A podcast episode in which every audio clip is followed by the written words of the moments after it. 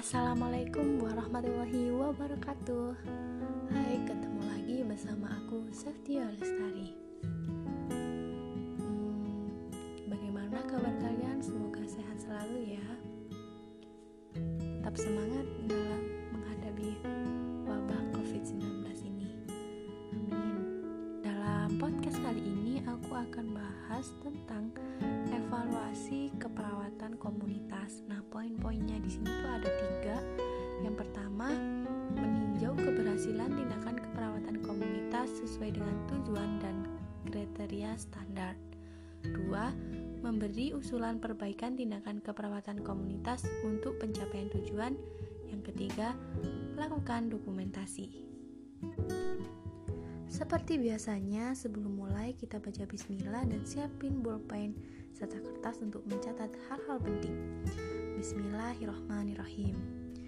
Oke, pada poin pertama yakni evaluasi keperawatan komunitas dengan meninjau keberhasilan sesuai dengan tujuan dan kriteria standar.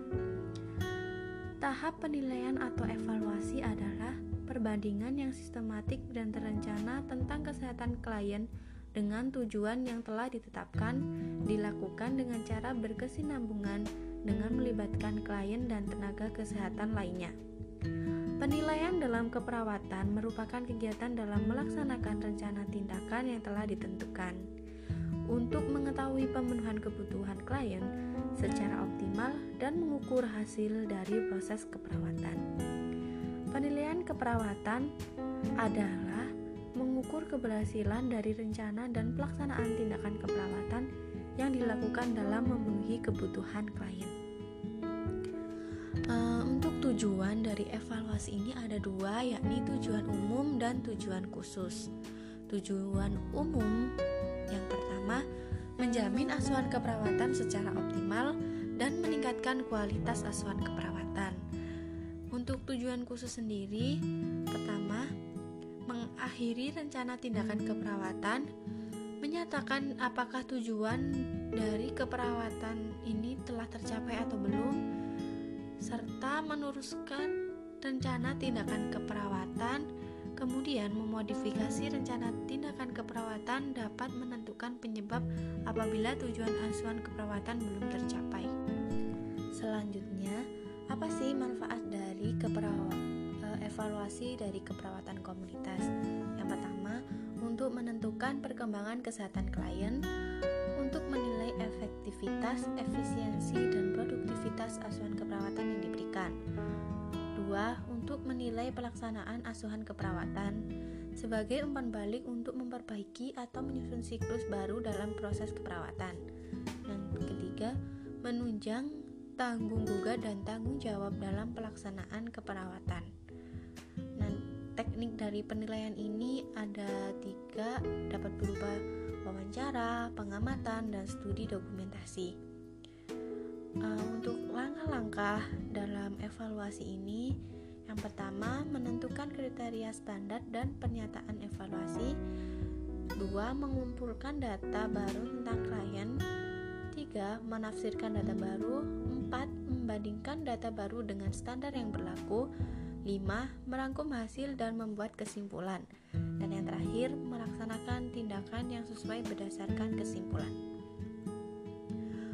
Untuk kriteria penilaian dalam evaluasi ini dapat menggunakan kriteria sebagai berikut. Yang pertama, relevansi uh, apakah tujuan program mendukung tujuan kebijakan? Kedua, efektivitas. Apakah tujuan program dapat tercapai? Yang ketiga, efisiensi. Apakah tujuan program tercapai dengan biaya yang paling rendah? Keempat, dapat menilai hasil atau outcome-nya, yakni apakah indikator-indikator tujuan program membaik? 5. Dampak atau impact Apakah indikator-indikator tujuan kebijakan membaik? Dan yang terakhir, berkelanjutan Apakah perbaikan indikator-indikator terus berlanjut setelah program selesai? Nah, itu hal-hal hal tersebut dapat dijadikan kriteria dalam evaluasi. Selanjutnya, yakni mengukur pencapaian tujuan. Nah, ini ada tiga, ada kognitif, afektif, serta psikomotor. Kognitif meliputi pengetahuan klien terhadap penyakitnya, mengontrol gejala serta pengobatan, diet, aktivitas, dan lain-lain. Dapat dilakukan dengan cara interview melalui recall knowledge atau mengingat, komprehensif, menanyakan informasi dengan kata-kata klien sendiri dan aplikasi fakta yaitu menanyakan tindakan apa yang akan klien ambil terkait dengan status kesehatannya. Nah, afektif ini dapat meliputi tukar menukar perasaan, cemas yang berkurang, kemauan berkomunikasi dan sebagainya.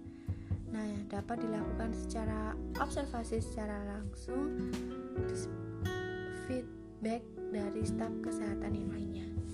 Nah, untuk psikomotor sendiri, observasi secara langsung apa yang telah dilakukan oleh klien, perubah, apakah ada perubahan fungsi tubuh dan gejalanya. Nah, dari hasil evaluasi ini dapat didapatkan apakah tujuan tercapai, yakni jika klien menunjukkan perubahan sesuai dengan standar yang telah ditetapkan. Dua, tujuan tercapai sebagian yaitu jika klien menunjukkan perubahan sebagian dari standar dan kriteria yang telah ditetapkan. Dan yang terakhir, tujuan tidak tercapai jika klien tidak menunjukkan perubahan dan kemajuan sama sekali dan bahkan timbul masalah baru. Nah, untuk usulan Perbaikan tindakan keperawatan komunitas untuk mencapai tujuan ini dapat dilakukan dengan lebih meningkatkan kualitas atau perhatian dalam suatu komunitas, memberikan pelayanan dengan pemenuhan kebutuhan suatu komunitas, lebih menerapkan sikap kepeduliannya terhadap sekelompok masyarakat, mampu menampung keluh kesah permasalahan setiap orang pada komunitas tertentu serta selalu memiliki sikap yang rendah hati dan sopan kepada sekelompok masyarakat. Nah, itu sudah menjawab poin kedua yang tentang memberikan usulan perbaikan tindakan keperawatan komunitas. Dan untuk yang terakhir yakni melakukan dokumentasi. Dalam perawat kesehatan komunitas, keterlibatan kader tokoh-tokoh masyarakat formal dan informal sangat diperlukan dalam setiap tahap pelayanan keperawatan secara terpadu dan menyeluruh sehingga masyarakat benar-benar mampu dan mandiri dalam setiap upaya pelayanan kesehatan dan keperawatan yang diberikan. Dalam melakukan proses keperawatan komunitas, dokumentasi keperawatan menjadi hal yang sangat penting karena dokumentasi dapat menjadi bukti dalam melakukan suatu tindakan. Dokumentasi keperawatan komunitas merupakan suatu catatan yang dapat dibuktikan atau dijadikan bukti dari segala macam tuntutan yang berisi data lengkap, nyata, dan tercatat bukan hanya tentang tingkat kesakitan dari pasien, tetapi juga jenis atau tipe, kualitas, dan kuantitas pelayanan kesehatan dalam memenuhi kebutuhan pasien dalam ruang lingkup yang lebih luas, yakni komunitas. Uh, mungkin itu saja penjelasan dari aku. Semoga bermanfaat untuk kalian. Sampai jumpa. Wassalamualaikum warahmatullahi wabarakatuh.